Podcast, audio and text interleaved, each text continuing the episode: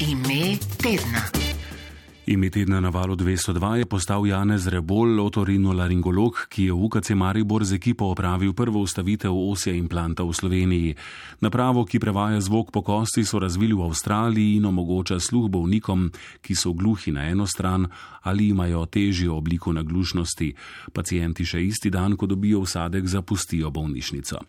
No, Janez Rebola žal nismo uspeli priklicati, ker je na poti v tujini, je pa dan po uspešni operaciji. Prejšnji teden prvo ustavitev osja implanta v Sloveniji predstavil na novinarski konferenci, kjer je pojasnil nekaj podrobnosti o poteku operacije in govoril tudi o tem, kako naprava deluje ter komu je namenjena. Včeraj smo ustavili tako imenovan uh, osja implantat in pri tem gre za napravo, ki je uh, usajena v kost oziroma se zraste s kostjo in temelji na uh, draženju z piezoelektričnim efektom. In ta naprava omogoča bistveno boljše ojačitve kot vse temu primerne oziroma primerljive naprave doslej. In posebej je njena uh, moč v področju visokih frekvenc. Tako da si na tem področju obetamo bistveno večjo korist za pacijente.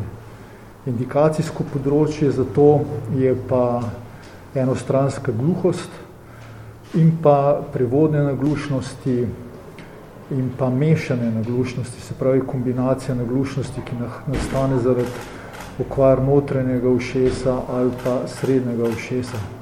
Operacija je bila izvedena včeraj v splošni anesteziji, trajala je slabo uro in pri tej operaciji se ustavi tako imenovan notranji del implanta uh, in se ga fiksira na kost in položi pod perioz, se pravi, to je ovojnica kosti, kjer se potem v toku štirih tednov približno zraste z kostjo in po štirih tednih je potem uh, zadeva tako daleč, da lahko začne pacijent nositi tako imenovan zunanji del. Oziroma govorni procesor. Le tega pa je potem treba nastaviti glede na pacijentov sluh, se pravi na, na karakteristike njegovega sluha. Dosedanje izkušnje v svetu glede te naprave so zelo dobre.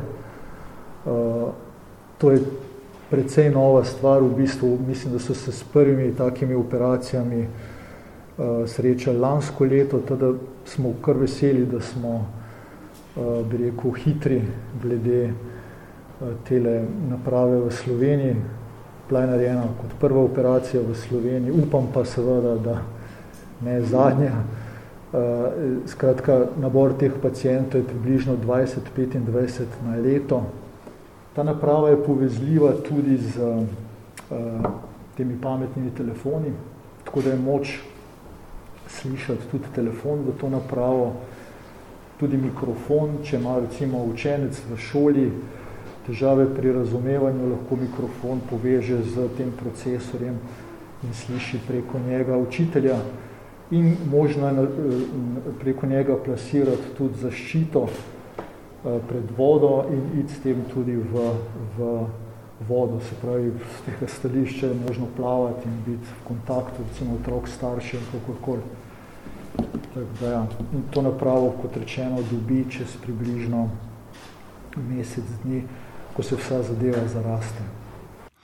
Tako dobili smo nekaj več informacij o tem, kako deluje osija implant. Bratko Zavrnik je bil na novinarski konferenci. Eh, kot ste lahko slišali, torej z novo napravo je mogoče eh, tudi plavati, ustavijo jo lahko tudi otrokom, povezati jo je mogoče s telefonom in mikrofonom in tako poslušati tudi eh, predavanja. Ni pa še operacija v programu zavarovalnice, torej Zavoda za zdravstveno zavarovanje Slovenije o tem, kot razumem, še potekajo pogajanja. Janez Rebol, otorinolaryngolog, ki je v UKC Maribor z ekipo opravil prvo ustavitev ose implanta v Sloveniji, je ime tedna na valu 202.